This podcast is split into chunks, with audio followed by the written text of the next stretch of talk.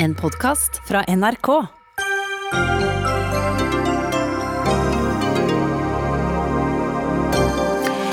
Trusseltiltalte Laila Bertheussen kommenterte i dag funnene som politiet har gjort av bl.a. tusj og hyssing hjemme hos henne og tidligere justisminister Tor Mikkel Wara. Forklaringen hennes virker tilpasset funnene, synes VGs kommentator. Breddeidretten har ligget brakk i månedsvis. Kommer barna tilbake igjen? Både Norges idrettsforbund og Barneombudet er bekymret. Trodde du debatten om eh, søndagsåpne butikker var over? Å nei da. Både Venstre og Høyre ivrer for denne igjen, men det vil ikke regjeringspartner KrF høre om. Og MDG har mistet all innflytelse og kan ha skremt bort fremtidige samarbeidspartnere ved å gå ut av fylkesrådet i Viken.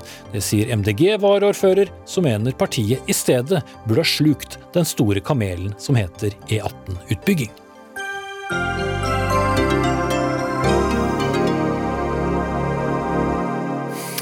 Sier vi god kveld og velkommen til tirsdagens Dagsnytt 18 med Espen Aas, der vi også skal uh, høre en universitetsrektors frykt for uh, heldigital undervisning, og debattere en liste over såkalt trygge kirker for skeive. Men vi starter i retten. For hvilke beviser har egentlig påtalemyndigheten mot Laila Bertheussen, samboeren til tidligere justisminister Tor Mikkel Wara?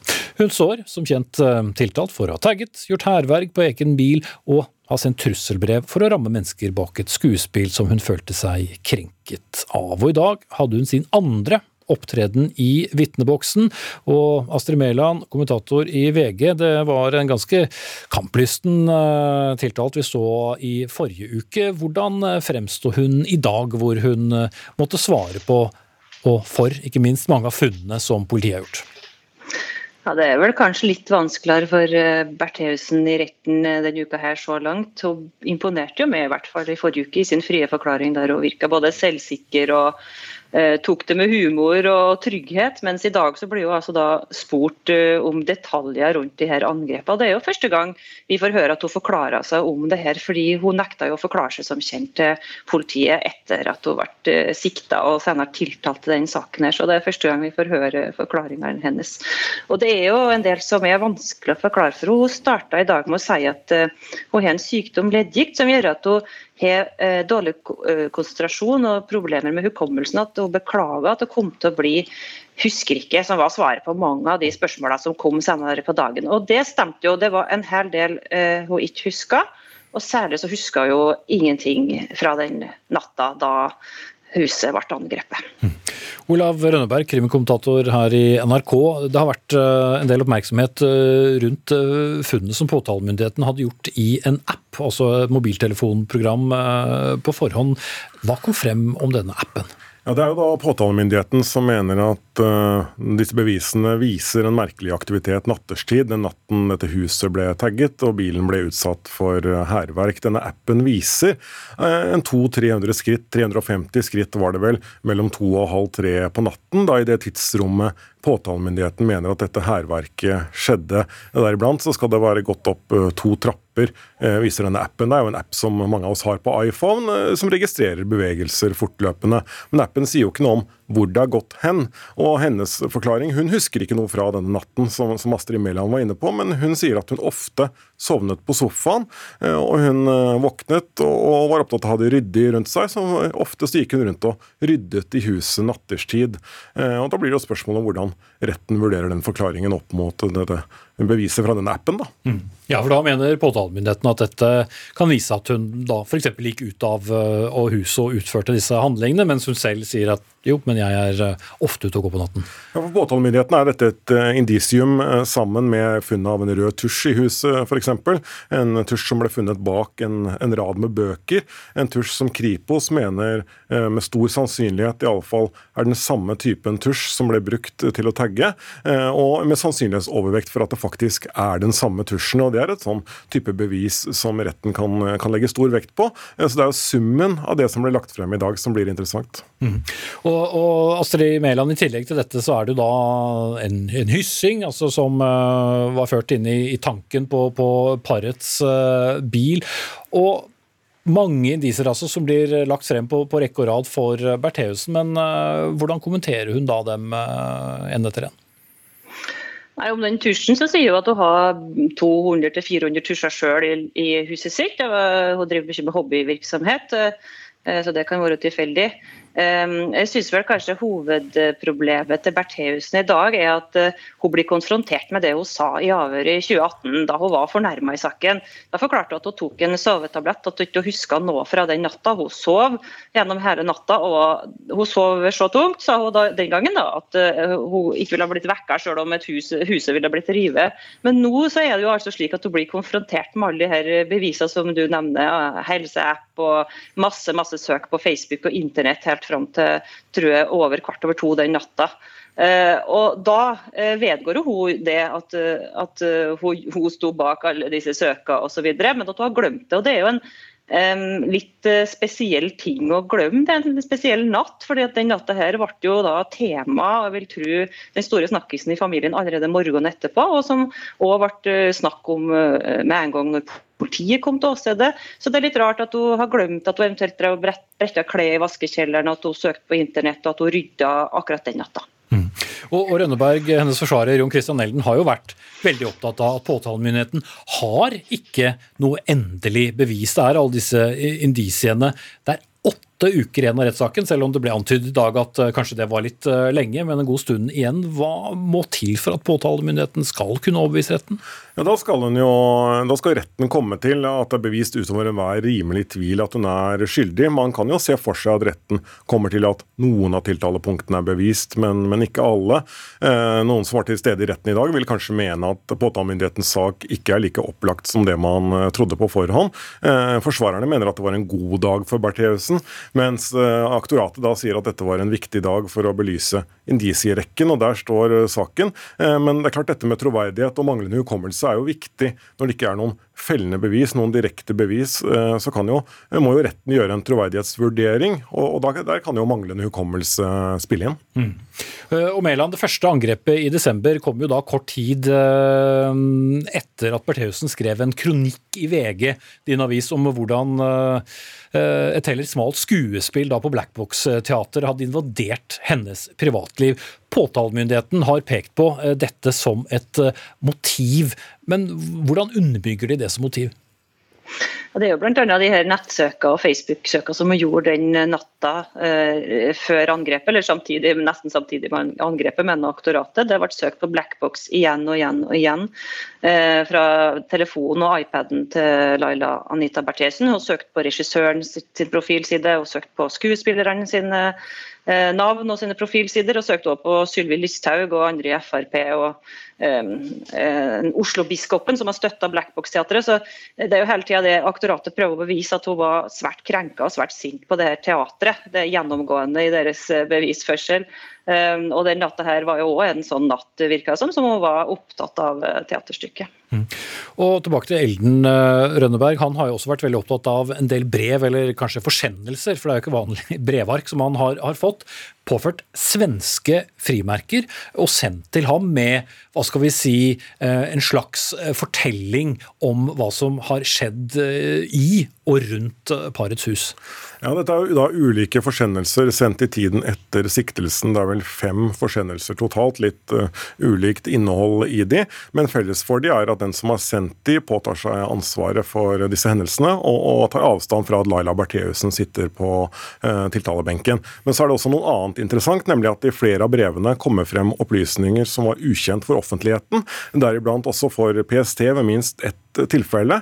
Og det er en enighet blant sakens parter om at den som har sendt brevene og forsendelsene, også må være involvert i flere av trusselhendelsene. Og så viser det seg altså at ett av brevene er poststemplet etter all sannsynlighet fire dager et, etter at Wara og Bertheussen reiste til eh, USA.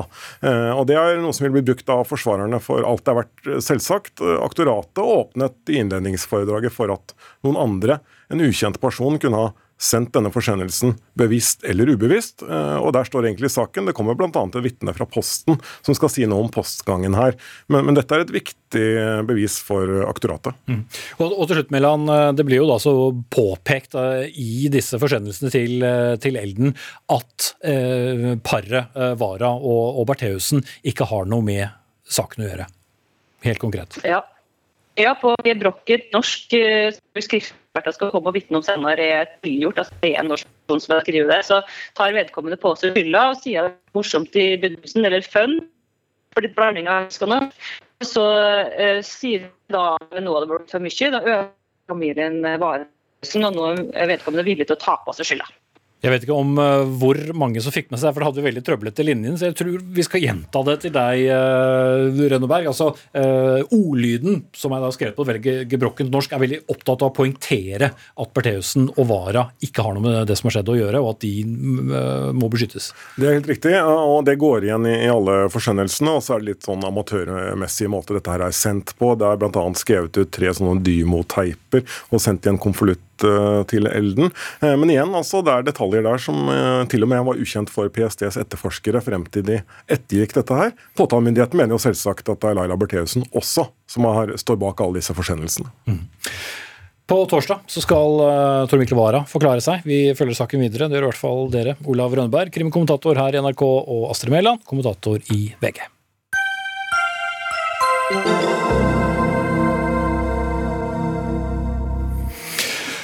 Så skal vi snakke om eh, idretten og om eh, barn som forlater breddeidretten. Hvis vi går tilbake til den store Ung-dataundersøkelsen i 2017, ja, så svarte så mange som 93% at de hadde tilhørt et eh, idrettslag. Men enkelte ting kan tyde på at denne tendensen har snudd, og ikke minst er det blitt forsterket av koronapandemien. Norges Fotballforbund anslår at 20 000 barn og unge har sluttet med fotball i løpet av koronaperioden. Karen Kvalvåg, generalsekretær i Norges idrettsforbund. Eh, frafallet er altså størst og kanskje ikke så rart, da, i den største idretten, nemlig fotball. Men hvor eh, stor frykt har dere for at denne koronaepidemien virkelig gir et skred av barn ut av idretten? Nå er det sånn at det har vært en stor vekst, en betydelig vekst i medlemsantallet i norsk idrett over flere år, hvor man har vokst mer enn folken, folkeveksten i Norge har vært. og det har vært større vekst i. Eh, og vi vet foreløpig ikke om vi har hatt et frafall, eller hvor stort det frafallet er.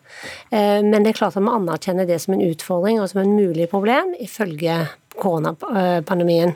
Men vi vet enda ikke hvor mye det er. Men derfor er det veldig viktig at vi får ordentlig til skoene og kommer med forebyggende tiltak for å unngå både at det kommer frafall, og i tilfelle at frafallet blir permanent. Mm. Ja, hvordan gjør vi det? Det gjør vi. Det aller viktigste er den gode dialogen vi har med myndighetene med å åpne opp igjen for aktivitet. At mest mulig aktivitet er åpent for flest mulig. Så det at vi kom i gang allerede rundt påsketider med litt trening, og at det har økt opp, og vi berømmer regjeringen sin for at de satte i gang barn og unge så raskt, både med trening og etter hvert òg med konkurranse. Det er det viktigste. Og at kommunene fortsetter å holde alt åpent, og med idrettshaller at ikke noe blir stengt, og at vi gjør det så lett som mulig ute og bevarer og ha trygg og sikker idrett etter pandemien. Det er veldig viktig. Og så trenger man eh, de kompensasjonspakkene, de økonomiske pakkene, for å sikre at det ikke blir dyrere å være med i idretten. Mm. Men det er altså ingen rene indikasjoner per nå, med unntak av disse da fotballtallene som jeg refererte innledningsvis, eh, som forteller noe om den direkte påvirkningen fra pandemien? Nei, det har vi ikke. Vi har noen individuelle idretter som må vokse, som vi var veldig glad for. For de kom jo raskest i gang med full aktivitet, både trening og konkurranse. Og så har fotball gjort eh, eh, tidlige målinger på, eh, på, hvordan de ser at det kan være et frafall. De var midt i sesong og hele sesongen, og sesongen ble utsatt. Så det er mange tiltak òg som fotball jeg vet at fotball jobber med for å motvirke at det blir en langtidseffekt. Men så det er en ting til som er veldig viktig, det er å sikre at vi ikke mister et nytt årskull. At vi får verva inn nye og få nye medlemmer av de minste som kommer inn i norsk idrett, og inn i trygge og gode oppvekstvilkår. Mm. Inge Beyer Eng, barneombud, du, du har også uttrykt bekymring for hva som nå skjer med, med barneidretten. Hvorfor er idrett så viktig? Eh, idrett er jo en av de viktigste mestringsarenaer barn kan ha. Eh, og idretten gjør en kjempejobb eh, for veldig mange barn på det området. Sånn at, og det, det, jeg har sett, da, langt tilbake i tid også, det er jo at de barna som strever med andre ting i livet, ofte har blitt gåsehøyne reddet og hatt et velfungerende ungdomsliv nettopp pga. at de har hatt og mestret idrett. Men, men, det jeg må si nå, at når man ser nå at nå er det, man er bekymret for, for frafall jeg tenker man, man kan jo da ha dialog med myndighetene så mye man vil, men, men, man må jo da undersøke med de som har blitt borte. Så, så den, det, det, jeg på en måte tenker Oppfølging, rett og slett? Fra ja, fall, nå, nå, vet man jo ikke hvorfor uh, det er så mange som har falt fra akkurat nå. Det kan ha mange ulike årsaker. Det kan ha korona, smittevern, men det kan jo også være ungdommer eller barn som i utgangspunktet kanskje var litt usikre på om de skulle fortsette, og så har denne pausen gjort at de har endt med å slutte. Men, men det trenger man jo å gå i dialog med ungdom og barn på. Hvorfor slutter du, og hvorfor slutter ungdom i organisert idrett. Jeg tenker Det er en del av et større problem, som, som jeg tror vi alle anerkjenner. at vi, vi må gjøre mer for å beholde ungdom i, i, organisert idrett. Eh, så det har jeg jo store forhåpninger med at denne eh, idrettsmeldingen som dere skal komme med, skal adresseres som et litt bredere problem. Mm. Da, Når du ja. sier dere skal komme så ser du på en person som kanskje de som hører sendingen på radio, ikke vet at det er her engang, nemlig Gunhild Berge Stang, som er statssekretær i Kulturdepartementet eh, fra Venstre. Skal straks komme til deg, men jeg vil bare spørre, spørre deg fra Idrettsforbundet først, Kvalvo. Altså, det er jo mange små og store klubber selvfølgelig rundt om i hele landet. men hvor mye kapasitet er det egentlig til å drive en sånn form for uh, nærmest sånn oppsøkende virksomhet, uh, i det man kanskje ser at uh, ikke alle kommer tilbake på trening? Dette er jo veldig mye frivillighet. Ja, det er jo det som er så fantastisk, at det er den frivilligheten. Og det er klart det er helt sikkert ulikt ute i de ulike lagene hvor mye kapasitet kapasitet i det, men det er utrolig mange flotte frivillige som ønsker intenst akkurat det som, eh, som, du sier, at det er så veldig veldig viktig å bevare ungdommen lenger i organisert idrett, i de gode og trygge miljøene. Så det er jo noe som vi jobber med hele tida, og ønsker å, å, finne ytterligere tiltak. Mm. Men det krever en, en, viss innsats hvis du er trener for et uh, fotballag? Helt opplagt. Og vi ser òg at jo lenger vi klarer å holde de voksne, jo lenger vi klarer å holde på de frivillige, jo lenger ser vi at barna òg blir der og ungdommen blir der. Så det er utrolig viktig. Det er en veldig fin kombinasjon. Mm. Da Gunhild Bergestad, statssekretær. Dere kommer altså med en, en eh, idrettsmelding. og I hvor stor grad tar den opp det som vi diskuterer her? I veldig stor grad. Eh, og jeg vil òg trekke fram eh, at vi parallelt jobber med ei barne- og ungdomskulturmelding, som er faktisk den første bar helhetlige barne- og ungdomskulturmeldinga som noensinne blir lagt fram. Og det vi ser på der, er jo nettopp hva er det som gjør at eh, barn og unge blir med i en fritidsaktivitet, og hva er det som gjør at de ikke blir med. Og det er viktig eh, kunnskapsinnhenting vi driver med i det arbeidet. Og dette skjener selvfølgelig mye opp mot idrettsmeldinga òg, som, eh, som, vi kommer til å legge fram. Og det er klart at det, eh, det, å sikre at barn og unge har et aktivitetstilbud, enten det er idrett, organisert eller uorganisert, eller annen form for fritidsaktivitet i nærmiljøet, det er et sentralt mål for, eh, som idrettsmeldinga vil ta utgangspunkt i. Og det andre er å sikre et inkluderende fritidstilbud og med lav terskel for deltaking. Så det er helt sentrale eh, målsettinger med, det, med, med egentlig begge de to meldingene. Mm. Og hva med penger? Eh, og penger har jo regjeringa fulgt opp eh, med, eh, ikke minst i år når vi fikk ei, koronakrise med, som krevde rask, rask levering av krisepakker. Fordi at én ting er å sikre tidlig åpning for barn og unge, som var viktig, fordi vi så at det var den mest sårbare gruppa. Så, måtte, så, så var det òg viktig å sikre at idrettsbevegelsen og, og frivilligheten har penger til å komme seg gjennom krisa, at det er instruktører til å ta imot deg når de kommer ut igjen. Eh, og så, eh, og så har jo, i tillegg til at regjeringa har satsa stort på, på eh, f.eks. fritidskortordning og andre ordninger som sikrer inkludering av barn og unge. Mm. Ja, for én ting er penger i idrettslagene, noe annet er jo også penger hjemme. fordi mm. det å alle vi som har barn, vet at det koster en del å ha barn i, i idrett. Har idretten selv et ansvar der, Bering? Det må jo i hvert fall være et samspill mellom idretten selv, fordi den er basert på frivillighet. ikke sant? Det er basert på at veldig mye gjøres på fritiden av voksne som har barn i idretten, og andre. Og, eh, men med myndighetene. fordi at det jeg eh, har bekymret meg for Nå snakker vi ikke om, om Nå har vi hatt ett tema, det er hvor lenge kan vi klare å holde dem der? Hva mener ungdommen selv er grunnen til at de slutter? Det er det ene. Men det som er en like stor bekymring, det er har barn i Norge en reell tilgang til å drive med, med idrett? Har alle det? Og svaret er jo så klart nei. Det er en del barn i Norge i dag som ikke har en reell mulighet. Og det handler ikke bare om penger. Det handler mye om penger, men Røde Kors har jo nettopp, ja, det var jo halvt, halvt år siden, uh, identifisert hva er barrierene. Men barrierene er også det praktiske. Vi hadde et eksempel med en somalisk mor, fire barn, som de skulle begynne på svømming. Ante ikke hvordan de skulle melde på.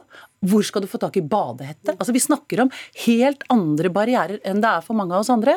Så vi må på en måte på et eller annet vis få til et samspill mellom idrettslagene og idretten og myndighetene på hvordan skal vi sikre at alle barn som da går i første klasse på den nærskolen som tilhører det idrettslaget, har en reell mulighet til å bli med, eh, både når det gjelder økonomi og det praktiske gjennomførbare. Ja, så ikke man har forskjellige uh, terskler. Uh, Kvalvåg, hva gjør idretten der? Uh, opplagt har òg idretten en veldig sentral rolle i å redusere både alle barrierer, men noe økonomi som barriere. Det er kjempeviktig at vi ser på utstyrpress, vi ser på ambisjonsnivå, holdningsskapende arbeid. Der må idretten gjøre med en jobb, og vi må fortsette å gjøre en jobb, og kanskje intensivere gjøre den jobben.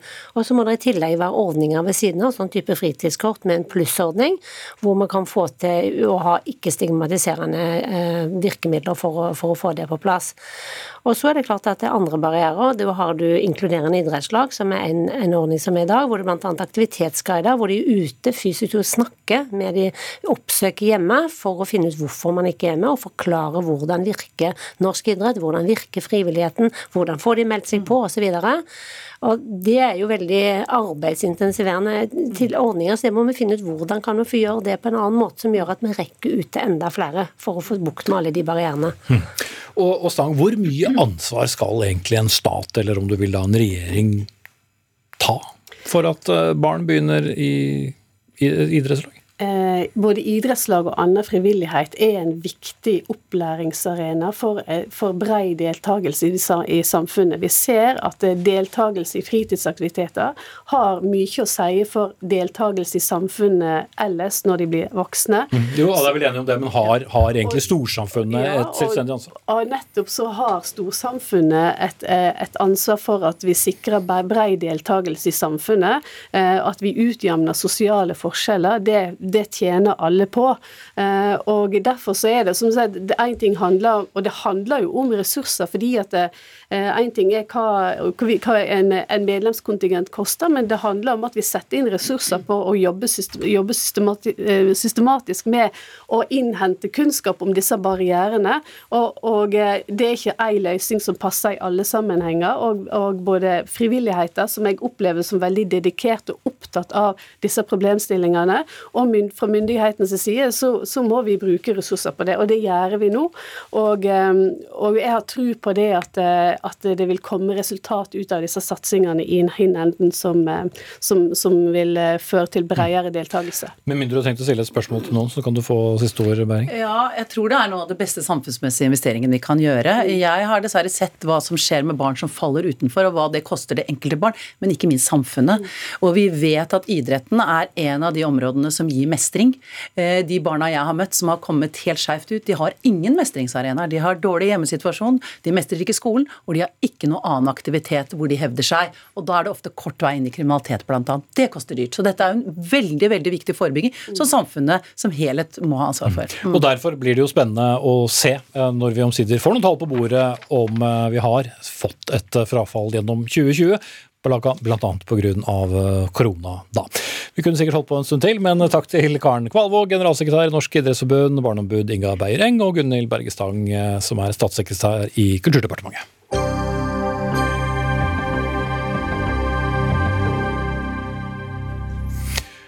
Og der er vi ved det punktet hvor jeg skal si noe som kommer senere i sendingen. Nemlig vi skal høre om en liste uh, over såkalte trygge kirker for skeive. Det skaper debatt. Slike lister er med på å lage A- og B-kirker, mener en skribent. Men det er altså senere. Nå skal vi ha en uh, nesten en reise tilbake i tid, eller sånn kan det kanskje føles, for neste tema er nemlig søndagsåpne butikker. Hørt det før, kanskje?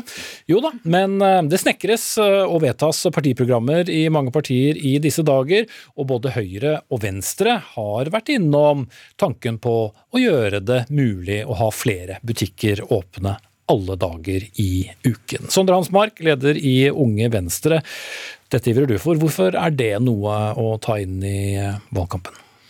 Det er jo en velkjent eh, kamp, dette, og jeg tror det er helt riktig at folk har hørt dette forslaget før. Men det handler jo også om at for Venstre så er det viktig å gi folk mest mulig valgfrihet i egen hverdag. Og Det vi har i dag, det er altså et forbud mot at man skal få lov til å dra på butikken på søndager og handle matvarer eller klær eller hva det skulle være. Og jeg tenker at I dette landet så lever folk veldig forskjellige liv, heldigvis. Uh, uansett hvor du bor i landet, så har du forskjellige arbeidsrytmer, forskjellige døgnrytmer. og Da tenker jeg at politikere ikke nødvendigvis skal forby hvilke dager du har lov til å handle på, men at vi skal la det være opp til den enkelte forbruker. Mm. Men er det et stort, dypt folkekrav uh, om å ha søndagsåpne butikker? Vi har i hvert fall sett noen av koronakrisene at disse Brustad-buene har jo vært veldig godt besøkt, og til tider for godt besøkt. At det har vært vanskelig å holde mm. avstand i disse små butikkene, og at vareutvalget har vært dårlig, og at uh, prisene er for høye. Jeg tror mange kjenner på det, at uh, de skulle ønske at de hadde litt bedre utvalg da de måtte ta en søndagshandel, og at prisene var litt lavere. For det er det dette vil føre til. Det vil føre til at vi kan gi muligheten til flere studenter å få seg en deltidsjobb i en søndagsåpen butikk. Det vil føre til at folk får bedre utvalg når de handler på søndager, det vil føre til at prisene blir lavere. og Det er godt for forbrukerne. Mm. Jeg vet ikke om noen lurer lenger på hva en Brustabu er, men altså en, en, butikk med så lavt antall kvadratmeter at de altså får lov å ha åpen på, på søndag. Ede Marie Høkland, leder i Kristelig Folkepartis Ungdom. Dere pleide jo i alle fall å si at eh, vi skal holde hviledagen heldig, hellig, men eh, da vi snakket med dere i dag, så var det andre argumenter som kom imot søndagsordningen. Vi har nok alltid hatt andre argumenter også. Dette, blant annet, dette handler bl.a. om klima og forbruk. Dette handler om at folk som jobber, arbeidstakere, skal ha muligheten til å ha fri, samtidig som ungene sine, samtidig som resten av familien sin dette handler om eh, det lokale næringslivet. Eh, at de, skal, at de også skal ha gode vilkår på, og ikke må konkurrere med de store kjedene alltid. Eh, så alt i alt så tror vi at hele samfunnet tjener på å ha en dag som er annerledes. En pusterom der det ikke handler om handel, der det ikke handler om produksjon, men om å ta en pust i bakken og være sammen med de man er glad i. Men det er da veldig mange som jobber både lørdager og søndager og i stedet for fri på en eh, mandag eller tirsdag eller hva som helst i helsesektoren. Journalistikken. Ja, ja. Mange steder. Det er òg. Vi har landsmøte til helga, så da blir det mye jobb på søndagen også. Men betyr langt... søndagen så mye lenger? Ja, den betyr veldig mye. Og det er nettopp det at eh, barnehage og skoler f.eks. ikke er åpne på søndager. Det betyr at søndagsstengt er bra familiepolitikk. Det er bra for ungene. Og samfunnet vårt er i stor grad organisert rundt akkurat det her. At vi har en dag som er felles fri så langt på vei som mulig. Mm. Miljøargumentet, Hansmark? Det, det, det, er bare tull. Altså, dette har man forsket på. Dette har egentlig ingen klimaeffekt i det hele tatt. Og Venstre foreslår ikke å endre arbeidstidsbestemmelsene, så folk får like mye fri, fri som de alltid har. De skal bare Også, på søndag. Hæ? De skal bare ikke ha det på søndag. Nei, altså det, det, tenker jeg at det er jo mange som ønsker å gjøre. For eksempel, Hvis du er student, så er det mange som ønsker å ha en deltidsjobb med butikk, og den muligheten synes jeg vi skal gi dem. Men så er det sånn at jeg syns ikke politikere skal bruke så veldig mye tid på å bestemme hva folk skal bruke søndagen sin på eller ikke. Det tror jeg folk klarer ganske fint å bestemme sjøl. Og jeg tror de færreste lengter tilbake til tiden på 70-tallet hvor du hadde butikkene som stengte klokken fem og var stengte på lørdager. Det er ingen som vil tilbake den tiden hvor politikerne la så mange begrensninger på når vi kunne handle. Når vi, gjør, når vi, gjør, disse liberaliseringene, så er de kanskje upopulære i utgangspunktet, men som ser alle at dette er et, dette er et tiltak som egentlig fungerer ganske godt. Dette har de gjort både i Sverige, i Finland, i Danmark, Island har de liberalisert søndagshandel. Og det er ikke sånn at ingen som går tur på søndag der, eller at samfunnet er moralsk forfall. Dette fungerer tvert imot ganske fint, og det gir folk mer valgfrihet i hverdagen. Eh, Hekland, når jeg likevel kan gå i en brustabu eller på en bensinstasjon, eller sågar bestille alt jeg trenger av mat hjem på døren på hvilken som helst dag eh, i uken, er det da så fryktelig viktig å holde igjen på de butikkene? Nabobutikken til kanskje plantebutikken som likevel får lov til å ha åpen? Absolutt. og vi, det her er jo at eh, KrF har jo kjempa for søndagen kjempelenge, og vi vet jo at det er partier som eh, bl.a. Venstre her, da, som, som, gjerne ønsker å dra i en liberaliserende retning. Eh, og Derfor er det så viktig at vi verner om så langt vi kan fortsatt for at søndag skal være en eh, annerledes dag. Så vet vi det at Fagbevegelsen de er imot søndagsåpent, handelsnæringa er imot, miljøbevegelsen er imot, de frivillige organisasjonene er imot, folkeflertallet er imot. Eh, og Her prøver egentlig Venstre å løse et ikke-problem. og Jeg tror det kommer til å skape enda flere problemer, bl.a. for de barnefamiliene som da ikke har en barnehage eller en skole å sende ungene sine i. Altså, vi skal ikke tvinge noen til å åpne på søndagen hvis de ikke vil det. Vi skal heller ikke tvinge folk til å handle på søndagen hvis vi hvis de ikke vil det. Men poenget er at dette er et valg som folk klarer å ta helt fint på egen hånd. Mens i dag så er det et statlig forbud mot å handle på søndager. Seks dager i uken så er det ingen som helst begrensninger på når du kan handle. Det er lov å ha nattåpne butikker, det er det ingen begrensninger på. Men søndagen skal det liksom være totalforbud, bortsett fra disse små brustadbuene og plantasjen. Og jeg tror at folk setter pris på litt mer valgfrihet i hverdagen sin, og at vi kan eh, ta hensyn til at folk lever litt forskjellig liv. Mm. Men dere som er så opptatt av uh, moderne teknologi osv., nettopp det med at uh, du kan jo få hjemkjørt uh, en hel ukes handling på en søndag, hvis du ønsker det. Er det ikke rett og slett litt gammeldags å ønske seg søndagsåpne dagligvarebutikker? Nei, men jeg kan jo si ja takk, begge deler. Politikerne trenger ikke å forby søndagshandel selv om man har hjemkjøring. Men en del butikker nå prøver ut modeller for å ha åpent uten ansatte, som f.eks. en butikk på Majorstuen her i Oslo. Så det finnes jo muligheter man kan løse dette på uten at egentlig noen som helst må jobbe på søndager. Og hvis teknologien kan ta oss dit at vi kan ha åpne butikker uten at det er ansatte der, så er i hvert fall dette forbudet mot uh, søndagsåpne butikker helt på trynet, og da syns jeg vi kan liberalisere lovgivningen. Helt klart. Ja, jeg tenker at når du sier ja til noe, så sier du nei til noe annet. Det, det er jo det som er liksom basically prioriteringer. Og vi prioriterer frivilligheten, vi prioriterer barnefamiliene, vi prioriterer de som sier at det her kommer til å gå utover klima og miljø. Eh, og da er det riktig å prioritere søndagen som en annerledes dag videre fremover. Og så er det som Espen sier her, at vi har allerede mye valgfrihet. Akkurat nå så er det vanskeligere å velge bort en søndagsvakt hvis du hvis eh, stedet du jobber, har søndagsåpent. Så det her handler om at vi skal verne rundt søndagen som en annerledes dag, der folk kan bruke den på ja, det de vil, men kanskje ikke de skal gå i butikken akkurat den dagen. Mm. Kan gå i kirken, i hvert fall. si. Jeg setter uh, strek der. Ja. Takk til leder Marie Haukland, leder i Kristelig Folkeparti Ungdom, og Sondre Hansmark, leder av Unge Venstre.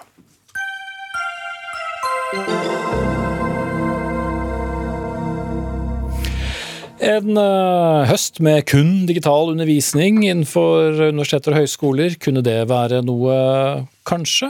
Vel, dersom spredningen av koronavirus blir stor nok, så har regjeringen varslet at uh, dette i verste fall kan bli hverdagen. Og det er jo mange hundre studenter som fikk konstatert smitte da universitetene åpnet for noen uker siden, bl.a. særlig da i Bergen, som vi har hørt mye om. Svein Stølen, rektor ved Universitetet i Oslo, du er likevel skeptisk til at regjeringen kan vurdere å innføre da heldigital undervisning. Eh, hvorfor? Ja, jeg tenker at Vi er bekymra for studentene våre. De er i en vanskelig situasjon, og kanskje mest av alt er vi bekymra for førsteårsstudentene som kommer til et nytt studiested. De kommer til et, et, et ensomt liv på en hybel. De er unge. Og vi vet at ensomhet og psykisk uhelse er en problemstilling for unge mennesker generelt, for, studie, for, for studenter generelt. Eh, det betyr at eh, den situasjonen vi har nå, den kan jo forsterke disse utfordringene. Vi har SHoT-undersøkelsen som gjennomføres annethvert år, og som viser dette. Nå viser Helsesgjesta også noe av eh, det samme i sine blogger, hvor hun viser til at unge sliter. Så vi har noen behov, og derfor er vi opptatt av at vi har hybridundervisning. Ja, Eh, er det påkrevd, så må man selvsagt eh, stenge ned.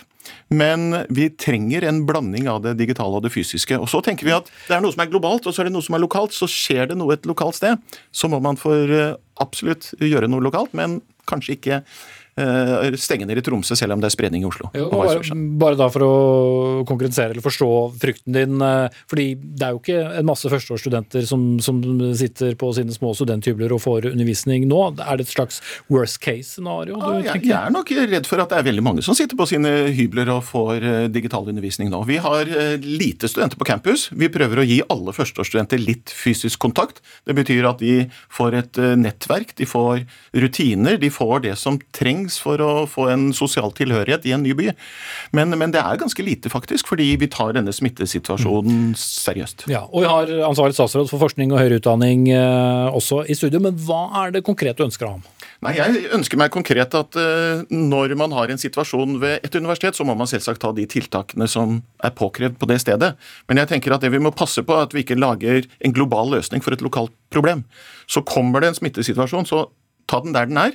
Og så kommer det i Oslo, så må man la det kanskje være greit i Alta eller Tromsø, og vice versa. Det er veldig viktig at man ikke nå går til et sånt grep hvor man stenger hele sektoren, fordi det også er andre hensyn her, selvsagt. Det er jo noen hva skal vi si, eh, deler av samfunnet som har en direkte tidlig økonomisk konsekvens, og derfor så er det kanskje fristende av og til for politikere å stenge det studentene og få mindre trykk på kollektivtransport osv. Det advarer vi mot. Da, herr statsråd, kjent som Henrik Asheim, eh, kan du berolige eller eventuelt bekrefte overfor universitetsrektoren her eh, hva som er regjeringens planer? Jeg tror jeg kan berolige. Det er klart at Jeg forstår Stølens poeng også fordi Bent Høie jo la frem en liste over ting som vi kan bli nødvendig å gjøre dersom smitten på en måte går veldig opp i Norge. Eh, Og Dette er en av de tingene, og det syns jeg er bra at man er ærlig om, som kan bli aktuelt. Det er ikke, altså det, det er- sitter veldig langt inne, og det har en stor negativ konsekvens både for studentene og for de ansatte i UH-sektoren. Så det er ikke noe vi eh, Universitet og høyskole, og ja, som, eh, beklager. UH var Ja, stammespråk. stammespråk. Eh, men, så, så det er, sitter absolutt langt inne. Men vi ser at f.eks. i Bergen nå så har dette skjedd. Der har man fra lokale myndigheter sagt at de må, altså campusene må ikke stenge, men de har ikke noe undervisning der. Så kan man oppsøke dem hvis det er nødvendig. Og Det er fordi smitten plutselig har eksplodert i Bergen som by, og særlig blant studentene. Sånn at dette er noe som kan bli aktuelt i andre byer hvis du får lokale utbrudd, men det å stenge ned alt, det er, sitter svært langt inne, og da skal vi på helt andre nivåer på smitte enn det vi er nå. Mm, Men vil det da være et smittenivå gjennomsnittlig beregnet uh, utover landet, eller uh, som da avgjør det, selv om det f.eks. ikke trenger å være fryktelig mye smitte i si Tromsø, da, mens det er eh, skyhøyt i, i de andre storbyene? Nei, alt tyder på at vi nå kommer til å ha den type lokale tiltak. altså At man slår ned lokalt når man ser utbrudd. Jeg må si, eh, Selv om det er inngripende for studentene i Bergen, syns jeg både Bergen kommune og institusjonene våre der, jeg var og besøkte dem på, eh, i forrige uke også, de har håndtert dette veldig bra og riktig, fordi man veldig raskt tar ganske radikale grep, og dermed så får man kontroll på det, og kan åpne opp igjen. Det er slik vi må tenke fremover. Men jeg må helt ærlig innrømme at jeg er ikke bekymret for at vi kommer til å stenge ned hele landet, for det tror jeg ikke kommer til å skje, men jeg er mer bekymret for situasjonen for studentene i dag. Eh, vi har hatt møte i dag med alle studentlederne i hele landet, og det er store variasjoner på hvor mye de får være på campus, f.eks. Det betyr mye mer ensomhet for mange studenter enn det det burde være. Og da er kanskje ansvaret vel så mye deres, da, som er eh, lederne på universitetene, Stølen? Ja, det er det absolutt. Og vi prøver jo å utnytte det vi har av arealer og læring, lærerressurser på en optimal måte. For vi ønsker å ha studentene til stede på campus i rimelig grad. Og vi prioriterer jo det framfor mye annet. Vi har mye utfordringer nå med kjellerpuber som ønsker å åpne. Vi sier at vi prioriterer undervisningen og det sosiale. Eh, Så ja, vi har deler av det ansvaret. Jeg tror vi er det ansvaret bevisst. Og jeg må også si at jeg vil skryte av studentene, som er veldig flinke. Vi vet jo også at den, de yngre er jo faktisk de som er flinkest til å følge smittevernreglene osv. Derfor er jeg ganske optimistisk på at vi skal klare å holde dette godt åpent hele semesteret, og det er ekstremt viktig. Ja, men Hvordan, hvordan øh, jobber dere? Altså, øh, hva, hva, hva skal til for, eksempel, for at noen må ha øh, hjemmeundervisning øh, mutters alene, eller eventuelt sammen med sine øh, flatmates i, på, studenthjemmet? Ja, det, vi har jo et antall eh, auditorer, et antall grupperom osv. Det setter jo begrensninger. Det er plassproblemer som gjør at vi ikke klarer å gi all eh, undervisningen fysisk, selvsagt. I tillegg så er det jo sånn at vi skal ha avstand. Det betyr at hvis vi lager et overcrowded eh, campus, så får vi også problemer smittevernsmessig. Så jeg tror at vi har funnet en balanse som er rimelig god, og så kan man alltid diskutere om det skulle vært enda bedre. Men dette Så lenge det ikke blir en økt smitte, vil jeg merke. så vel- lenge det ikke blir en økt smitte, for det er vi ekstremt opptatt av. Det um, skal vi jobbe hardt for videre også. Men altså, hvor bekymret er du for kvaliteten da på dette studieåret vi nå skal inn i, for vi aner jo ikke eh, noe sluttdato. Eh, og det kan bli veldig varierende hvor mye du sitter på en vanlig forelesning, og hvor mye du sitter hjemme og lakker negler og følger en uh, strømmeforelesning. Ja. Jeg er bekymret for det, og det, opplever jeg at sektoren er også. Så vi har egentlig på en måte gitt to forvirrende signaler. For vi har sagt åpne opp campusene, men hold énmetersregelen. Og det er klart at med den byggmassen man har mange steder, så lar ikke de to tingene seg kombinere for alle studentene. Når det er sagt, så, så er det klart at jeg tror alle kjente på, og kanskje fortsatt kjenner på, en større ensomhet nå enn før. Ny student flytter til en ny by, kjenner på det mye mer. Og i tillegg så er jo dette Disse vet jo heldigvis hvem er. altså Svein Stølen vet hvem alle studentene på Universitetet i Oslo er. Jeg kjenner dem ikke, men han vet navnet på dem. Det betyr at, og Derfor jeg hadde dette møtet i dag også. Jeg er veldig opptatt av at vi i fellesskap finner tiltak som gjør at man blir kontaktet, f.eks. Fulgt opp hvis, man, eh, hvis, det er mye digital undervisning. Det er mange eksempler på det. Eh, Høyskole, Universitetet i Sørøst-Norge for eksempel, de har da egne mentorordninger hvor mentorer følger opp en gruppe studenter digitalt. Eh, på Høgskolen i Østfold, som jeg besøkte i går, der har de digitale kollokvier. Altså, det er måter å tenke på som er veldig, veldig viktig. Og jeg er veldig redd for at man tenker at nå er man jo litt til stede, så resten får man klare selv. Det er veldig viktig også at vi følger opp på den måten. Og En annen tilbakemelding fra studentene i dag, det var at eh, og dette er jo også, Nå har man vært veldig flink på førsteårsstudentene, og det mener jeg man er. Mens det er mange av de som tar master, eksempel, som opplever å nesten ikke ha noen undervisning på skolen. De skal bare liksom sitte hjemme. Så de kan fort plutselig føle seg isolert. Så vi må hele tiden passe på dette. Og det er et ansvar naturligvis som studentene har, som, og samskipnadene våre har, og institusjonene har, men også som jeg har som, som ansvarlig statsråd, for at vi finner gode mekanismer for å løse dette. Mm. Ja, selv om du har navnet på alle i registrene dine, Støle, så skal du jo noe til å klare å, følge opp så mange tusen studenter. Ja, det skal det, men samtidig har vi veldig dedikerte og hardtarbeidende lærere. Så jeg føler jo at de føler et veldig stort ansvar for disse unge studentene og ønsker så mye som mulig å få dem på plass og ha dem på campus. Og så følger de det opp også via digitale mm, kanaler, selvsagt. Mm. Inntil videre mange ensomme sammen. Takk skal dere ha, Svein Stølen, rektor ved Universitetet i Oslo, og forsknings- og høyere utdanningsminister Henrik Asheim. Hør Dagsnytt 18 når du vil. Radio NRK Radio.nrk.no.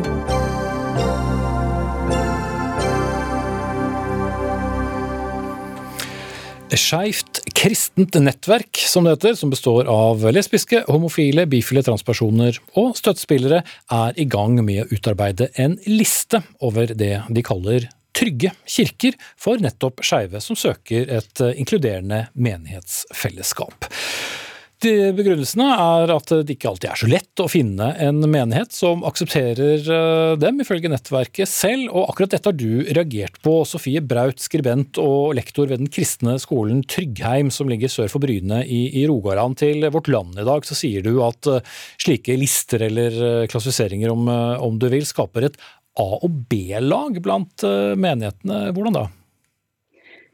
Altså, her tror jeg fort det er en, et spørsmål om, om, veldig gode intensjoner. sikkert i utgangspunktet. Lista her, sånn som jeg forstår det, skal være praktisk og brukervennlig for skeive. Og på en måte gi en oppskrift på hvordan en kan få en god inngang i kirkesammenheng. da.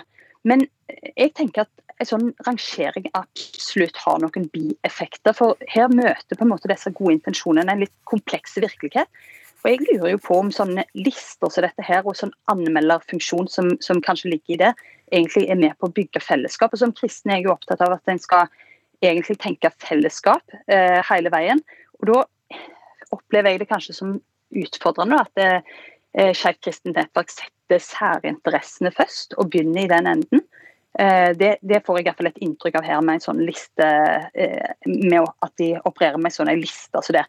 Eh, det kan jo være ja, altså, jeg, jeg, tror egentlig det hadde vært bedre at de hadde latt være. Så I utgangspunktet så stiller jeg meg veldig både spørrende og tvilende til at en sånn liste er, er, en god idé. Det er mange behov for mange ulike mennesker i en, i en kristen menighet. og Jeg føler at det blir fort litt sånn snevert å ha en sånn rangering.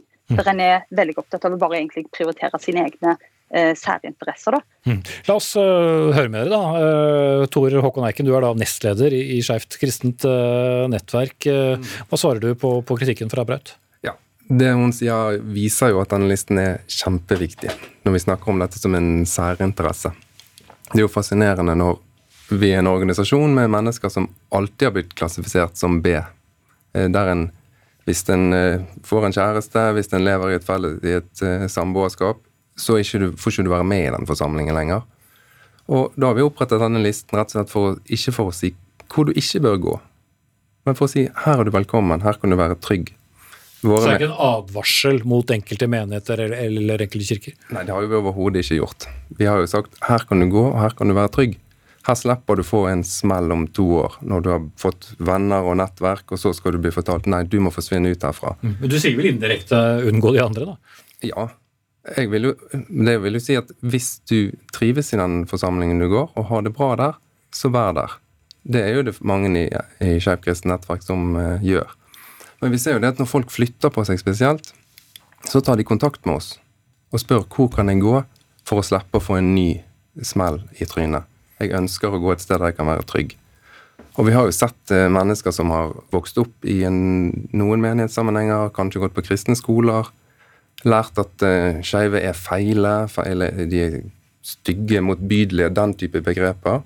Og en, vi har dessverre sett at for mange av våre medlemmer har psykiske skader og belastninger. Okay. Og da vil ikke vi at de skal oppleve det en gang til. Mm. Men, men, Braut, for å snu på din argumentasjon, kunne det ikke tvert imot ha en motsatt eh, effekt? da, At eh, enkelte kirker eller menigheter kan benytte den anledningen til å tenke at nei, vi vil faktisk være mer åpne? Mm. Jo, altså, jeg, jeg tenker det, det, kan ha mange forskjellige utslag, dette her. Men, men jeg bare jeg, jeg stusser litt over denne implikasjonen med, eh, som ligger i begrepet trygg. Eh, for det, sånn som jeg forstår det i alle fall, eh, så er bare denne lista basert på noen tilbakemeldinger. Det er ikke noen klare kriterier. Og jeg tenker jo litt at både pastorer, prester i forskjellige sammenhenger, vil jo møte dette som et slags krav og vanskelig å egentlig forstå hva som skal til for å leve opp til disse kravene. For hva ligger det egentlig i begrepet trygg og trygt å gå og trygt å engasjere deg eh, som skeiv? Eh, er, er en først og fremst utrygg når en møter et menneske som har eh, andre teologisk grunngitte syn, f.eks.? La oss ta det med, med en gang. da. Altså, hva, hva slags kriterier er det som skal til for å være en, en trygg, som dere kaller det, kirke hvis det skjer? Det trenger ikke være så avansert. Det kan jo være så enkelt at alle mennesker behandles likt. At det ikke det finnes sære regler for de som er skeive. Nei, du må leve alene. Du er dømt til et liv i sølibat. Altså, Men er det da på tilbakemeldinger fra folk som forteller til dere, eller sjekker dere med, med hver enkelt kirke eller menighet? Det vi håper på, er at vi kan komme i dialog med ledere for ulike organisasjoner.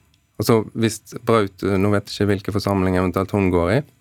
Men hvis hun ønsker å gjøre det tydelig at her er homofile, lesbiske, bifile, transpersoner velkommen på lik linje med alle andre mennesker, så kan hun bare sende oss en melding. Så er hun på listen. Så vet vi at vi, det er trygt å gå der. Det er, jo, det er jo ikke så mye vanskeligere enn det. Dette er jo bygget på relasjon, erfaringer, mennesker som gir oss tilbakemelding. Mm, jeg bare tenker at Man bør vel gjøre grundige undersøkelser før man klassifiserer. Ja, vi klassifiserer jo ikke. Vi, dette går jo på at folk som går i en forsamling, sier at vet du hva, her kan du gå, her er, her er det trygt. Eh, jeg så på, på, den siste tilbakemeldingen som lå på ute på nettet nå, så var det en menighet som er i en organisasjon der de vanligvis ikke eh, godtar at mennesker er homofile, f.eks.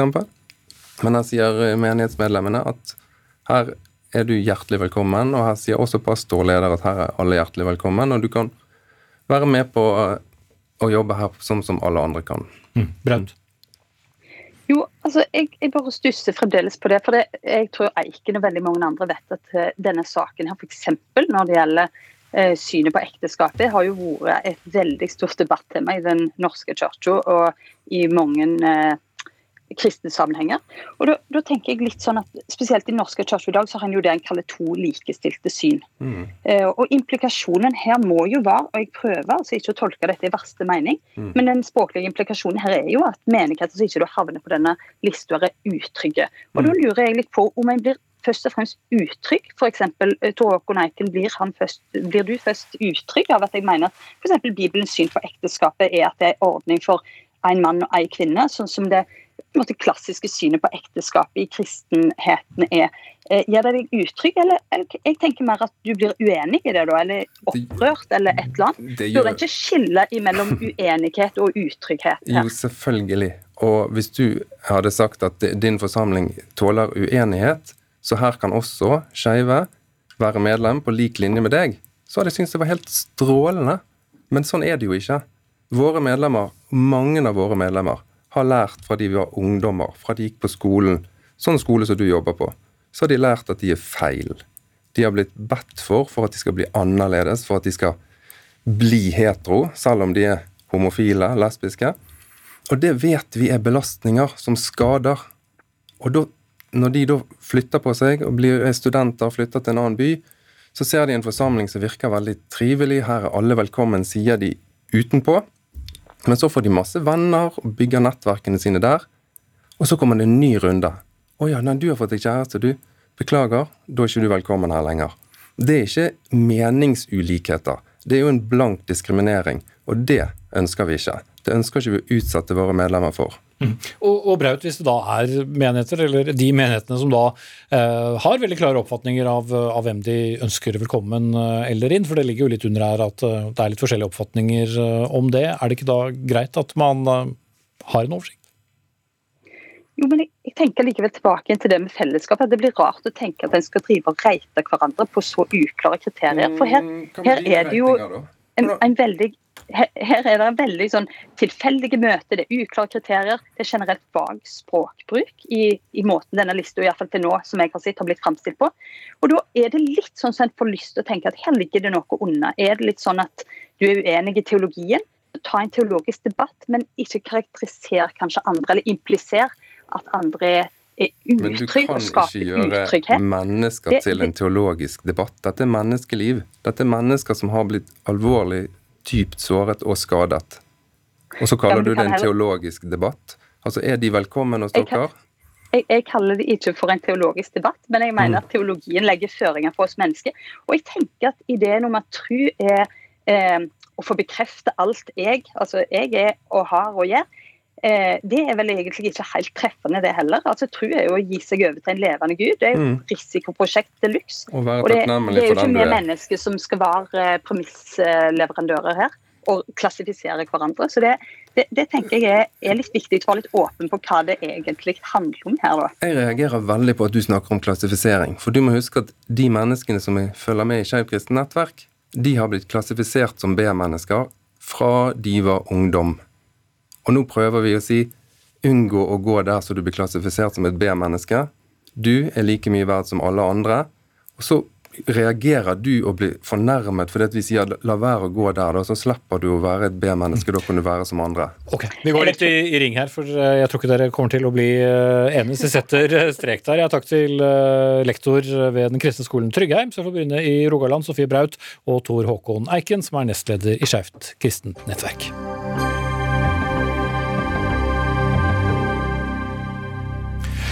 Skal MDG, eller Miljøpartiet De Grønne, da, være et eh, protestparti? Eller et uh, styringsparti? Ja, dette er spørsmål som stilles internt i partiet etter at MDG trakk seg ut fra fylkesrådet i storfylket Viken i protest mot E18-utbyggingen vest for uh, Oslo. Og dette ved å gå ut uh, kan sende dårlig signal til fremtidige samarbeidspartnere et år før stortingsvalget, mener du Ernst Modest Hertikroff, som er MDGs varaordfører i, i Skal man ikke stå på sakene sine? Jo, det, eh, det, må man selvfølgelig. Eh, men så er det jo eh, slik at vi ikke noe parti har et flertall, og man må kompromisse vi må få mest mulig ut av, vi, vi, har lovt i, uh, før valget at vi skal få gjennom mest mulig grønn politikk. Og så er spørsmålet hvilke virkemidler er hensiktsmessige. Mm. Og, og, Dette har du da bl.a. skrevet om i et innlegg i, i, i, Aftenposten. Men skulle man da bare svelget dette, dette ganske store veiprosjektet gjennom Viken? Jeg er helt enig med de som, er, som protesterer mot dette veiprosjektet. Det er utdatert, det er miljøfiendtlig og eh, ikke fremtidsrettet. Men derifra å si at nå trekker vi oss ut altså Når vi um, bryter pga. én sak, så betyr det jo samtidig at vi um, ikke har mulighet til å påvirke i alle andre saker. Mm. Kristoffer eh, Robin Haug, du er da tidligere fylkesråd for kollektivtrafikk i, i Viken. Også du fra MDG. Var det verdt det å bryte samarbeidet? Ja. Ja, her er det viktig å få med hele historien. Eh, Miljøpartiet De Grønne gjorde et brakvalg i Viken, eh, og vi gikk inn på en politisk plattform sammen med Arbeiderpartiet, Senterpartiet eh, og SV. Eh, der var det jo inngått mange kompromisser i den plattformen, men den hadde likevel en veldig tydelig retning. Spesielt skulle man kutte 80 eh, av klimagassutslippene innen 2030. Eh, og satse på kollektiv sykkel og gange fremfor å bygge nye veier. Dette er en avtale ikke bare oss partiene imellom, men en avtale med velgerne som hadde stemt fram partiene som dannet denne plattformen. Et år senere så opplever vi da at Arbeiderpartiet og Senterpartiet bryter med denne plattformen for å trumfe gjennom et utdatert motorveiprosjekt som kommer til å føre til mer kø, kork og kaos i både Viken og Oslo. Mm. Og det ble sånn. Det, det, som da skjedde, var jo at de ønsket å, å stille garanti for dette prosjektet. Mens vi og SV valgte da å si at eh, vi ikke kommer til å bryte med den plattformen vi har inngått sammen. Og da fikk vi beskjed om å forlate Fylkesrådet. Så det ble kastet ut for at en eh, motorveigaranti skulle trumfes gjennom. Ja, eh, Groff, det høres jo ut på hvert fall Haugs historiefortelling som at de da ikke hadde så mye valg? Det er helt riktig, eh, og jeg er helt enig med Christopher Robin at eh, dette her er et fryktelig dårlig prosjekt. Men eh, det vi har lovet velgerne, mener jeg, er å få til så mye grønn politikk som mulig. Viken er et kjempefylke. og det er mange ting vi må ta tak i for å få det grønne skiftet til. Men tror du ikke mange velgere ville lurt på hvorfor i alle dager eh, gikk dere med på en svær motorvei? Det er jo ikke det MDG driver med. Vi kan protestere internt og eksternt og være veldig tydelige at dette er en dårlig idé, men derifra å si at nå vil vi ikke være med lenger, vi vil ikke påvirke lenger. Altså De neste tre år i Viken så har MDG ikke påvirkningskraft. Og hva Um, vi, vi, vi, får ikke uh, gjort noe. Jeg tror uh, Nå har jeg vært um, i, uh, i, i, styret på et forholdsvis stort um, for, for, en forholdsvis stor kommune i Norge. Og det, det, er et gi og ta. Vi får til sikkert ikke 100 bestandig, okay. men vi får til 70 80 og det er mer enn ingenting. Men, eh, men Kristoffer Robin Haug, hadde dere kunnet ta en form for uh, dissens? Uh, det har jo skjedd lignende ting, f.eks. Uh, i den uh, rød-grønne regjeringen, da, da, deler av partiet demonstrerte på, på plenen mot hva Arbeiderpartiet og, Senterpartiet var enige om, f.eks., og likevel understreket poenget. Ja, Det er jo et poeng som, som Ernst Modeste tar opp her, som er veldig viktig. at det her har jo dette har jo kostet oss noe. Eh, vi har mistet eh, penger, vi har mistet eh, prestisje, posisjoner og makt. Jeg mistet jo jobben på dagen da vi inntok dette, inntok dette standpunktet her. Og Det er kanskje riktig å si at Miljøpartiet De Grønne er et annerledes parti enn det man er vant til i Norge. Vi er ikke et parti som, som bryter løfter. Vi er ikke et parti som inngår kompromisser på vegne av naturen. Naturen og klima har jo en absolutt tålegrense. Så Sånn sett så er det nok riktig at, at vi er et et annet parti enn mange andre. Men er ikke da også et spørsmål om, eh, gitt da om et, et, år når eh, resultatet fra stortingsvalget er der, og dersom Miljøpartiet De Grønne skulle gjøre et eh, godt valg, er det ikke da også et signal til fremtidige regjeringspartnere at Miljøpartiet De Grønne er mer opptatt av å protestere enn å samarbeide? Jeg mener det tvert om er et signal på at vi i Miljøpartiet De Grønne er et parti som både holder oss til avtaler, men som også krever at inngåtte avtaler holdes. Og Det må jo være noe av det aller ryddigste eh, for andre partier å samarbeide med, eh, å vite at vi faktisk eh, står for det vi mener. Og ikke minst ryddig overfor velgerne som har stemt på oss, og vise at vi tar konsekvensene når andre forsøker å bryte de løftene vi sammen har gitt til velgerne. Hmm. Ja, spør deg til slutt, Hertikroff, Nå har vi ikke masse tid igjen, men hva er en sak som er stor nok til å bryte på, da, hvis ikke en motorvei? Da? Det må eh, være eh, enten flere saker etter hverandre, altså et mønster av uh, løftebrudd, eller så må det være veldig alvorlige saker som har med menneskerettigheter og verdispørsmål å gjøre. Mm. Men ikke motorvei?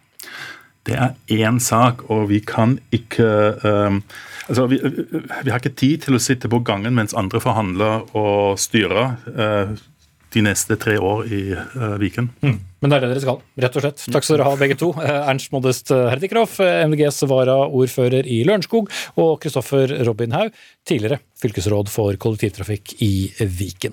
Og vi er ved veis ende med denne sendingen også. Ansvarlig for den var Dag Dørum. Eli Kyrkjebø tok seg av det tekniske. Jeg heter Espen Aas, og vi lover comeback om 23 timer.